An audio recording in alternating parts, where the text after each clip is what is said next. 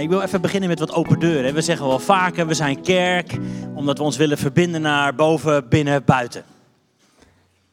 En ik denk dat we heel sterk zijn als Connect Kerk om ons inderdaad te verbinden naar binnen.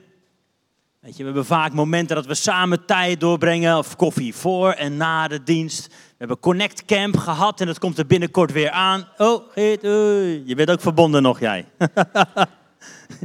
heel goed. Connect Camp komt er weer aan en dan, dan brengen we tijd samen door. Zitten we rondom een vuurtje, drinken we een glaasje wijn samen. Brengen we tijd samen door. Fantastisch, belangrijk. Onze jeugdavonden brengen ze veel tijd samen door. Belangrijk. Connectgroepen, met elkaar optrekken. Er ontstaan vriendschappen, er ontstaan huwelijken. Geweldig. Dat wil je als kerk, dat dat gebeurt. Dat mensen naar elkaar omzien, dat je verbonden bent naar binnen. Heerlijk om God te kunnen aanbidden, maar naast wie zit ik eigenlijk op zondagochtend? Dus zo'n vraagje als, hey, wat was nou eigenlijk je highlight van afgelopen week? Dat helpt om even met elkaar verbonden te zijn. Vinden we belangrijk. Amen. We zijn een lichaam, we zijn een gezin. We horen bij Jezus lichaam, bij Gods gezin. Ze willen verbonden zijn naar binnen. Als je dat niet wil, zit je in de verkeerde kerk. Sorry. Ze willen verbonden zijn naar binnen. Super belangrijk, maar ook naar buiten. We hebben regelmatig of series die gaan over. We hebben goed nieuws. We willen uitdelen van wat God gegeven heeft. Hoe, richt, hoe, hoe rusten we elkaar toe om dat goede nieuws te brengen? We willen ook gastvrij zijn. Zo'n klein tasje met een cadeautje, dat helpt ons daarbij. Maar dat is onze hartshouding. We willen gastvrij zijn voor mensen die God nog niet kennen of die wat afstand ervaren. We willen gastvrij zijn. We willen naar buiten verbonden zijn. Maar daaronder ligt die dikke, dikke laag, dat fundament. We willen verbonden zijn naar boven. We zijn geen kaartclub, we zijn geen kletsclub. In de ogen van sommige mensen misschien een klapclub. Maar we willen verbonden zijn naar boven. Onze relatie met God ligt onder alles, is ons fundament. En dat willen we altijd voor ogen houden. Op Connect Camp gaan met elkaar kamperen, super belangrijk. Maar Jezus staat met zijn tent middenin. Het draait om hem. Amen. Een link, tienerkamp binnenkort, fantastisch. Maar het gaat om Jezus. We willen niet alleen dat ze verbonden zijn met elkaar, we willen ze aan de voeten van Jezus brengen. Dat is ons doel ook op een zondagochtend. We willen jou aan de voeten van Jezus brengen. Dat is waar je hoort te zijn. Verbonden naar boven, opnieuw en opnieuw. Dat is ook hoe we kerk willen definiëren. Het is één groep vrienden die elkaar uitnodigt en uitdaagt en aanmoedigt om dieper te gaan met God. Om dieper te gaan met God, om God steeds beter te leren kennen. Dat is wat we willen zijn als kerk. Verbonden naar boven. Steeds diepere, steeds sterkere wortels. En daarom hebben we ook gekozen voor dit thema om mee te beginnen dit jaar. In your presence. Als we dat niet doen als kerk om elkaar te helpen om in Gods aanwezigheid te zijn, dan kunnen we net zo goed stoppen. Dit is waar we willen zijn. We willen één groep vrienden zijn die elkaar uitnodigt, uitdaagt, aanmoedigt. Ga verder met God. Ga dieper met God. Wees sterker verbonden met God. Kijk vaker naar Jezus. Verbonden naar boven. We willen groeien in die relatie. Nou, daar wil ik vanochtend ook naar kijken. Een klein beetje een andere insteek. We willen groeien allereerst in de vrucht van de geest. Galaten 5. Liefde, blijdschap, vrede, goedheid, trouw, zelfbeheersing. Als het goed is, is die vrucht nu beter zichtbaar dan vijf jaar geleden. Dat hoop ik voor ons. Dat we groeien in onze relatie met Jezus, zodat die vrucht van de geest steeds duidelijker zichtbaar wordt. Misschien is dat wel leuk om een soort even je ogen dicht te doen en jezelf voor te stellen als iemand van 60, 70, 80, 90. En jezelf dan te zien als iemand die vol is van liefde. Vol is van vreugde. Van geduld. Van goedheid. Zie je dat voor je? Dat is toch iemand wie je wil zijn. Aan het eind van je leven. Dat je vol bent met de vrucht van de geest. Dat je zo verbonden bent met Jezus. Dat mensen naar jou kijken en een stuk van Hem zien. Kunnen proeven en smaken van wat God in je leven heeft gedaan. Dat is ook wat we terugzien in bijvoorbeeld in Johannes, hè? een van de discipelen van, van Jezus. Die vroeger nog in zijn jonge jaren een zoon des donders genoemd werd. Iemand die klaar was om mensen te veroordelen, om vuur uit de hemel neer te roepen op mensen die niet naar Jezus wilden luisteren. Een zoon des donders. En later wordt hij genoemd, hij is de apostel van de liefde. Hij was zo verbonden dat de vrucht van de geest wel zichtbaar moest worden in zijn leven. Nou, dat is wat ik jou en mij toebid. Dat je groeit in de vrucht van de geest. Steeds meer vol van liefde. Maar ook vol van blijdschap. Vol van blijdschap. Is dat niet wie je wil zijn? Diepe vreugde. Onuitputtelijk, omdat je verbonden bent met een bron van vreugde die nooit uitdroogt. Goedheid, trouw, zelfbeheersing. Galaten 5. Lees het, mediteer erop. Dat is een beschrijving van jouw karakter als je 80 of 90 bent. En daar groeien we nu alvast naartoe, omdat we verbonden zijn met de bron. Maar we willen niet alleen groeien in de vrucht van de geest, ook in de gaven van de Heilige Geest. Ook dat bid ik je toe. Dat je hongerig en dorstig wordt naar meer van de gaven van de Heilige Geest. Dat het uit je leven stroomt. Gaven van dienstbaarheid, van genade, maar ook van kracht. Dat je opnieuw jezelf voorstelt als iemand van 60, 70, 80, 90. En dat het uit je leven stroomt. Dat je geen schroom hebt, geen angst hebt om te zeggen: hey, ik wil graag bidden voor je. Uh, Joachim, kom even naar voren. Uh, hij vertelde iets moois net voor me. Maar dat je geen angst en geen schroom hebt om inderdaad te zeggen: hey, zal ik voor je bidden? Dat het iets heel normaals is. Dat je beweegt in de gaven van de Heilige Geest. We gaan even naar jou luisteren. Je had een mooi verhaaltje over wat je hebt gedaan en wat je hebt meegemaakt. Nou, in uh, december uh, kreeg mijn vader te horen dat hij hartritmestoornissen had. en uh, toen zei zijn cardioloog, hij zegt van nou, hij zegt in januari zie ik je nog een keer terug. En ergens had ik al het idee van, ik kan me er niet bij neerleggen. Dit, dit is gewoon niet waar. En toen een week ervoor heb ik voor hem mogen bidden. En uh, nee, mijn vader is niet gelovig. En heeft ook echt niet echt een verbindenis daarmee. En op een gegeven moment toen zei hij van, nou ja, hij zegt probeer het maar of doe maar. En toen heb ik voor hem gebeden. Een week later is hij naar het ziekenhuis gegaan, naar de cardioloog nieuwe ECG gemaakt. En die cardioloog die snapt nog steeds niet wat er gebeurd is. Want hij zegt helemaal niks meer te zien. Het vocht achter zijn hart is weg. Uh, zijn hartritme en stoornissen zijn weg. ja, zijn benauwdheid is weg. En uh, ze staan gewoon voor één groot vraagteken nu. Dus. Mooi. We zien een vraagteken, we zien een uitroepteken. Fantastisch. Maar wat dapper dat je dat gewoon doet ook. Toch echt super gaaf. Een voorbeeld voor mij, voor ons. Je denkt, ja, eigenlijk moet ik dit gewoon doen. En je deed het. Super gaaf. Nou, dat is toch wie je wil zijn. dat je de schroom, de angst even van je af kunt leggen en zeggen, ja, maar Gods liefde dringt mij. En ik bid voor iemand. En misschien lukt het de eerste tien keer niet. Dat je geen genezing ziet. Dat is oké. Dat gebeurt. De elfde keer misschien. Laten we die vrijmoedigheid nemen. Maar dat is waarin we willen groeien. In de, in de vrucht van de Heilige Geest en in de gaven van de Heilige Geest. Allebei. Niet het een wel, het ander niet. Hand in hand gaat dat. Dat is wie we willen zijn. En dat gebeurt als jij en ik verbonden zijn. Zoals Jezus zegt in Johannes 15. Ik ben de wijnstok, jullie zijn de ranken. Wees verbonden met mij. En dan begint het te stromen. Dan gaat het groeien. Dit is niet iets wat wij in onszelf moeten oproepen. Misschien moeten we juist iets minder moeten. En terugkomen bij de bron en zeggen: Jezus, ik wil naar u kijken. Ik wil met u verbonden zijn. En ik wil groeien in die vrucht van de geest, in de gave van de Heilige Geest. En ik zei net, we willen verbonden zijn met die wijnstok. Want de, de waarheid is, jij en ik zijn altijd onder invloed van iets.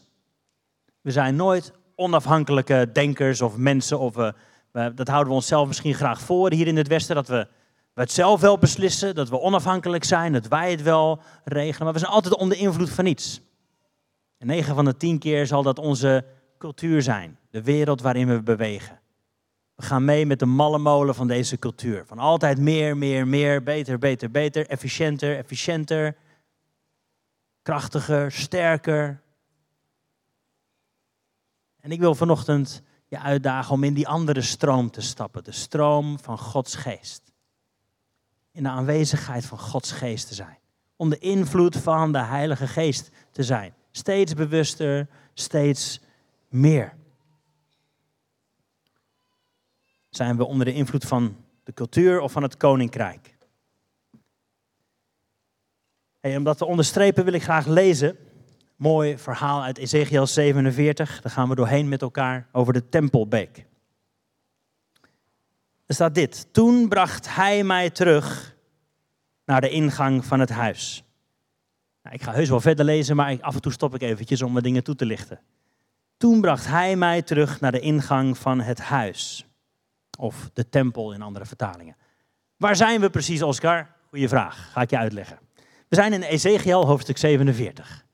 Ezekiel, dat is zo iemand waarvan je denkt, later als je in de nieuwe hemel en de nieuwe aarde komt en na duizenden jaren rondlopen, ontmoet je telkens weer nieuwe mensen en je geeft iemand een hand en zegt, hoi, ik ben die Ezekiel. Dat je denkt, ah, ja, uh, leuk je te zien. Wat vond je van mijn boek? Ah, tof dat jij in de Bijbel staat. Het is mij niet gelukt, Ezekiel. Maar zo'n soort boek is het wel een beetje. Dat je denkt, oh, waar gaat het ook? Waar, zijn we nou precies? Hoe werkt dit dan? Hoe moet ik dit lezen? Nou, Ezekiel was ergens rond 600 voor Christus uh, in ballingschap. Hij was uit het land, net zoals de rest van het volk, gehaald. Omdat het volk gezondigd had. En God had duidelijk gezegd, joh, stop er nou mee, anders zul je uit je land gehaald worden. En dat is gebeurd met Ezekiel en de rest van zijn volk. Ze werden meegenomen uit het beloofde land. En ze zaten in ballingschap. Zo heet dat. Ze waren niet meer in hun eigen land. En Ezekiel was een, een profeet, hij was een priester, maar ook een profeet die, die woorden van God ontving en die dat uit moest schrijven, uit moest spreken. En er zijn grofweg, kun je dat verdelen in ongeveer drie uh, uh, onderdelen, dit boek. Het begint met allemaal nou, een soort van onheilsprofeet. Doe dit nou niet, Israël. Doe dit nou niet, Juda. Doe dit nou niet, Jeruzalem. Want anders, want anders zijn dit de gevolgen. Dat is het eerste gedeelte. Nou, ze deden het toch. En uiteindelijk werden ze uit het land weggehaald. Daarna gaat het een poos over de omliggende landen. Die krijgen er ook van langs van Ezekiel. God laat hem zien dat de omliggende landen ook zondig zijn. Terwijl God ze ook zoekt. Maar zo gauw als Jeruzalem gevallen is, begint Ezekiel met woorden van hoop. Dat is bijzonder, want op de dag dat Jeruzalem viel en werd ingenomen door de vijand, stierf ook de vrouw van Ezekiel. Bizar, hè? Wie wilde de profeet, profeet zijn? Maar dat is de roeping van Ezekiel. Maar zo gauw als Jeruzalem gevallen is, begint hij met woorden van hoop. God laat het er niet bij zitten, Jeruzalem. Er komt een tijd, er komt een dag dat je weer vol zal zijn met de heerlijkheid van God. En hij begint te profiteren. Ook dat beeld van het dal van de dorre doodsbeenderen ken je misschien ook wel. Beelden van hoop, woorden van hoop. Ja, maar God zal je weer samenvoegen. Hij zal jullie weer roepen. God laat het er niet bij zitten. Jouw zonde is nooit het laatste woord. Nou, in die context moet je dit lezen. Ezekiel krijgt een visioen, een beeld. En daarin ziet hij, hoofdstuk 40 lees je dat, ziet hij iets van een man als van koper. En die neemt hem mee en die laat hem de nieuwe tempel zien. Misschien kun je dat plaatje laten zien, alsjeblieft. Lukt dat? Hij laat hem de nieuwe tempel zien, zoals die gebouwd zal gaan worden. Nou, hoe dat precies gaat gebeuren, daar zijn heel veel meningen over, mag je lekker zelf uitzoeken. Maar noord, oost, zuid, west zie je. En daar rechts in het oosten de tempelbeek. En daar gaan we zo over lezen. Maar de man, en sommige vertalingen schrijven dan met een hoofdletter M, als zijnde een soort van, met een mooi woord, pre-incarnate, pre-incarnate Jezus. Jezus voordat hij in het vlees geboren was. Anderen zeggen nee, het is een engel. Nou, dat weten we allemaal niet zo goed. Maar dit is de context. Dus dit heeft hij gezien in dat beeld. Hij heeft door die tempel heen gelopen. En nu zijn we bij hoofdstuk 47 en lezen we verder. Toen bracht deze man mij, Ezekiel, terug naar de ingang van de tempel. En zie, er stroomde water onder de drempel van het huis, of de tempel uit, oostwaarts. Want de voorzijde van het huis was op het oosten. Op het oosten, wat gebeurt er in het oosten? Daar komt de zon op. De plek van nieuw leven, van een nieuw begin, van opstanding, van nieuwe kracht. De ingang van het huis was op het oosten en het water vloeide onder de rechterzijkant van het huis vandaan, ten zuiden van het altaar. En deze man leidde mij door de Noordpoort. En hij voerde mij toen buitenom. Zij gaat eerst naar het noorden. Deze man zegt tegen Ezekiel, loop achter me aan, loop mee. We gaan eerst naar het noorden. In de Bijbel is het noorden een beeld van een ontmoeting met God. Naar boven gericht. Dat is ook waar dit beeld begint. Jouw en mijn leven begint met een ontmoeting met God. Dat is onze bron. Hij leidde mij door de Noordpoort en hij voerde me buitenom naar de buitenste poort, naar de poort die op het oosten uitzag. En zie, daar borrelde water op uit de rechterzijkant. Dus Ezekiel ziet een tempel en daar begint water op te borrelen. En nadat deze man uitgegaan was naar het oosten met een meetsnoer in zijn hand, mat hij duizend el, dus ongeveer 500 meter. En hij deed mij door het water gaan. Dus de man zegt tegen Ezekiel, 500 meter, kom, loop door het water. En Ezekiel zegt, hij deed mij door het water gaan en het water reikte tot aan de enkels. En hij mat weer duizend el en hij deed mij door het water gaan en het water reikte tot aan de knieën. En weer duizend el en hij deed mij erdoor gaan en het water reikte tot aan de heupen. En hij mat nog eens duizend el en nu was het een beek geworden die ik niet doorwaden kon. Want het water was zo hoog dat men erin zwemmen kon. Een beek die men niet kon doorwaden. Toen zei hij, heb je het gezien mensenkind? En hij deed me teruggaan langs de oever van de beek. En toen ik terugkeerde, langs de oever van de beek stonden aan weerszijden zeer veel bomen. En hij zei, dit water stroomt naar de oostelijke landstreek, vloeit af naar de vlakte en komt uit in de zee. Als hij zegt de zee, dan bedoelt hij de Dode Zee. Dat is ongeveer 30, 33 kilometer hemelsbreed vanaf Jeruzalem. Dus het water uit de tempel stroomt richting de Dode Zee. En in de Dode Zee, waar alles dood is, waar niks groeit of bloeit, het komt in de zee en het wordt uitgestort zodat haar water gezond wordt. En alle levende wezens die er wemelen zullen leven, overal waar de beek komt. En er zal zeer veel vis zijn. Want als dit water daarheen komt, dan wordt het water van de zee gezond. En overal waar de beek komt, zal alles leven. Vissers zullen er langs gaan van Engedi tot Engleim. Het zal een plaats zijn om de netten uit te spreiden. En de vissen erin zullen van allerlei soort zijn, zoals de vissen van de grote zee. Zeer talrijk.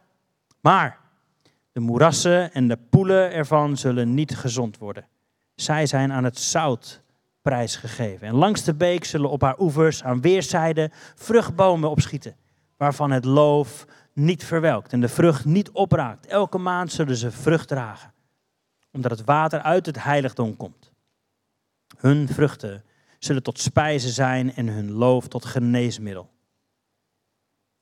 Een schitterend beeld om op te mediteren, om over na te denken. Wat wil God hiermee zeggen? Je kunt hier heel veel dingen uithalen. Je kunt ook denken, wat stroomt er uit mijn leven? Wat stroomt er uit mijn leven richting de dode zee?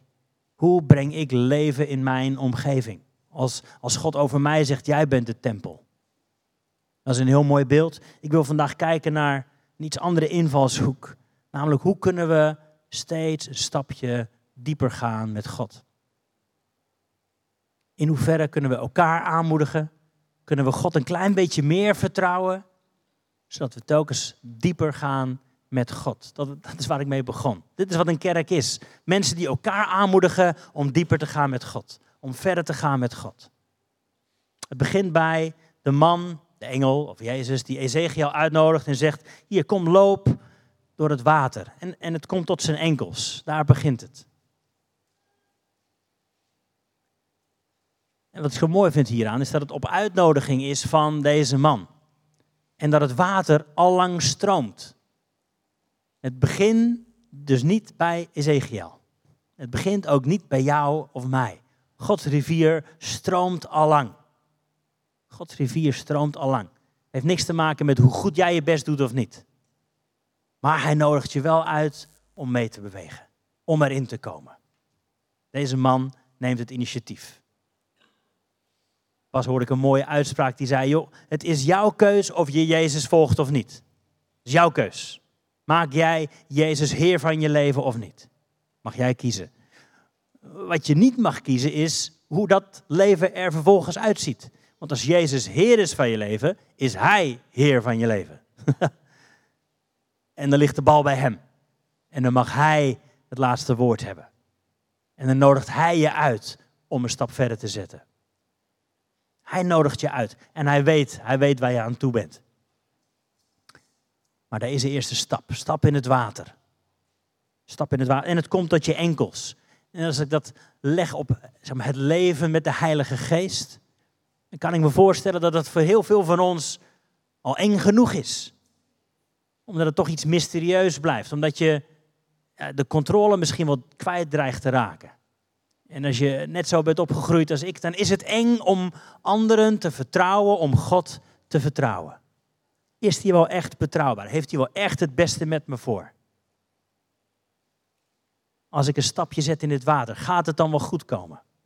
Kan ik God echt vertrouwen? Paar weken geleden vertelde ik al iets over mijn uh, angst voor uh, haaien, ook in zwembaden. ik had de film Jaws gezien, nou, dat was veel te eng toen de tijd zeker, als klein jochie. Maar ik kan me ook nog goed herinneren dat ik zwemles had vroeger. Dan ging je met een bus zo naar het zwembad toe met z'n allen. En dan kreeg je zwemles op school. En wat ze vroeger in Almelo, want daar heb ik een poosje gewoond. Wat ze heel slim gedaan hadden, not, is dat ze de kleedhokjes, die kwamen uit bij het diepe. Hartstikke eng. Krijg je voor de eerste keer zwemles en dan kijk je meteen uit op ongelooflijk diep water. Dat is niet wat je wil zien als je nog niet kunt zwemmen. Tenminste, ik niet. Ik moest eerst inderdaad leren, oké, het is veilig, ik kan hier nog lopen, ik kan hier een beetje plensen in het water. Water is wel leuk. En steeds een klein beetje dieper. Je wilt niet in één keer het gevoel hebben dat je in het diepe gemieterd wordt, terwijl je nog geen idee hebt of dit wel veilig is, of dit allemaal wel lukt. Herkenbaar? Je wilt eerst tot je enkels lopen.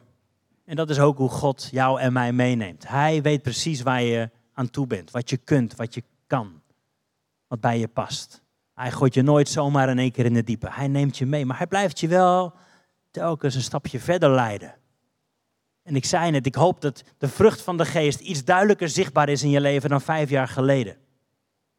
En dat geldt ook voor het meebewegen met de Heilige Geest. Dat je, als je vijf jaar geleden tot je enkels liep, dat je ondertussen gehoor hebt gegeven aan de roep van de, de man van Jezus. Kom verder. Kom verder. Beweeg iets verder met me mee. Loop tot aan je knieën. En dan voel je misschien al meer, een klein beetje meer weerstand. Een klein beetje meer uitdaging. Kun je me verder vertrouwen? Met je geld, met je tijd, met je relaties, met je keuzes, met je karakter. Kun je mij echt verder vertrouwen? Mag ik tot jou spreken en door je heen spreken? Ik weet niet wat jouw volgende stap is. Misschien is dat inderdaad net zoals Joachim. Durven bidden voor iemand waarvan je weet dat hij ziek is. Met het gevaar dat hij niet geneest. Misschien ga jij dan wel af als een gieter of zo. Het zou kunnen dat dat je gevoel is. Wil je dat gevoel teruggeven aan Jezus? Zeggen, oké, ik beweeg alleen maar mee met u. Die stroom, die stroomt al lang. En die stroomt naar daar waar het dood is. Want Jezus is altijd bezig met dat wat dood is, levend te maken in jou, in jouw omgeving. Die persoon waarvan jij weet, die kent Jezus nog niet. En eigenlijk wil ik wel voor hem bidden. Jezus is al lang bezig met hem. Die stroom, die stroomt wel. Hij nodigt je alleen uit om mee te bewegen. Tot je enkels, tot je knieën, tot je heupen. Totdat je niet meer kunt staan en wel moet zwemmen. En dat het voelt alsof je alle controle kwijt bent. Maar hoe heerlijk is het om even te kunnen zwemmen op een plek waar je niet meer kunt staan. Te genieten van het water, van het uitzicht, van het avontuur. Om mee te bewegen met dat wat God aan het doen is. Maar het is niet makkelijk voor jou en mij. We zijn opgegroeid hier in het Westen. En we houden van controle, van efficiëntie, van inzicht. Van, van, van, van tevoren weten waar je aan toe bent. Maar dat is niet hoe God werkt. God die tegen Abraham zegt: Kom, verlaat je land en ik neem je mee. Waar naartoe? Dat zul je wel zien. Ja, maar dat is moeilijk. Maar dat is de weg direct naar je hart, omdat je wordt aangesproken op vertrouw je mij. Vertrouw je mij. Het was Petrus die samen met al zijn vrienden in de boot zat. En op het water zag hij iemand lopen en zei, Jezus, als u het bent, roep mij dan. En Jezus zegt, kom. Petrus sprong uit de boot. Wat ik zo mooi vind is dat we niet lezen dat Jezus naar die andere elf keek en zei, losers. Hij wist waar ze waren, hij wist wat ze konden. Hij weet wat jij, wat jij aan kunt. En waar je vandaan komt. Met je achtergrond, met je opvoeding, met je ervaringen. En dat lopen in het water, misschien tot aan je enkels al heel wat is voor je. Fantastisch. Dan moedigen, moedigen we je aan en juichen we over de stap die je genomen hebt. Wat gaaf. Maar in de loop van de tijd zullen we elkaar ook aanmoedigen. Dat is ook jouw en mijn roeping. Als we steeds meer gaan lijken op Jezus, om elkaar uit te dagen. En te zeggen, kijk, 500 meter, nog een stukje verder. Zullen we een laagje dieper gaan? Zullen we God iets meer vertrouwen? Met ons leven, met onze keuzes. En uiteindelijk gaan zwemmen. Zwemmen daar waar God ons naartoe leidt. Misschien geldt dat voor jou dat je op keuzes of op kruispunten in je leven staat, dat je keuzes aan het maken bent. Dat je altijd geneigd bent geweest om met je verstand alleen te kijken vanuit veiligheid. Dat Jezus in je oor fluistert en zegt, wil je, wil je mij vertrouwen met deze volgende keus? Is het met je financiën, met je tijd, met je karakter, met je relaties? Mag ik er iets over zeggen? Mag ik koning van je leven zijn? Mag ik de man met de medelat zijn die zegt, kom, kom een stukje verder? En ik weet dat er onder ons ook mensen zijn die juist pijn zijn gedaan. Door kerkleiders, door mensen die in autoriteit staan, waardoor vertrouwen hartstikke moeilijk is. Weet dan dat Jezus nooit jou zomaar als een lompe badmeester in het water gooit en zegt, nou, zoek het uit. Nee. Misschien loopt hij wel een stukje met je terug en zegt, kom, we, begin, we beginnen weer even overnieuw met lopen tot je enkels. Dat is oké.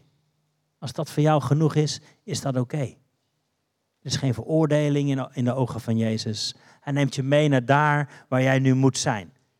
Maar als je eraan toe bent, kom dieper. Kom dieper. Ga God meer vertrouwen. Staat ook een soort van uh, waarschuwing, hè? vers 11. Maar de moerassen en de poelen ervan zullen niet gezond worden. Want moerassen en poelen gaan niet mee met de stroom. Die staan stil. En als je stil staat, als het water niet stroomt, gaat het stinken, wordt het dood. En dat is ook wel een soort van waarschuwing naar jou en mij. Laten we alsjeblieft in beweging blijven. Laten we alsjeblieft in beweging blijven. Niet gaan stoppen met, oh, dit christelijke leven, dat is oké. Zo kunnen we het voorlopig wel houden. Nee, laten we open zijn voor de aanmoediging van Jezus die zegt, vertrouw me een stukje meer. Vertrouw mij een stukje meer. Kijk in mijn ogen. Blijf meebewegen. Meebewegen met die stroom. En wat zo mooi is, vind ik ook, het gaat die nooit alleen om jezelf. Je beweegt mee met die stroom, die, die stroom naar de dode zee. Jij en ik worden altijd meegenomen om te leven voor een groter leven dan alleen voor onszelf. Willen uitdelen aan de wereld om ons heen, omdat God dat aan het doen is zodat daar alle levende wezens zullen leven. Zodat de dode zee gaat leven. En dit stukje eindigt ermee dat het brengt leven omdat het uit het heiligdom komt. Niet omdat Oscar zo goed zijn best doet. Gelukkig maar. Het staat of valt niet met jou of mij. Jij en ik zijn niet de bron. Jezus is de bron die de Heilige Geest wil laten stromen vraag aan jou en mij is, willen we een klein beetje meer meebewegen en dieper gaan bewegen? Dat is jou en mijn oproep. En ik hoop dat je mee wilt gaan bewegen. Steeds een beetje meer. Dat we kunnen zeggen, oké, vader, ik, ik weet dat ik het moeilijk vind om te vertrouwen. Ik hou van controle, maar alstublieft. Hier ben ik. U bent Heer van mijn leven. Dat we me laten groeien in mijn geloof, in mijn vertrouwen. En meer laten proeven van de vrucht van de geest en van de kracht van de geest. Van de gaven van de geest.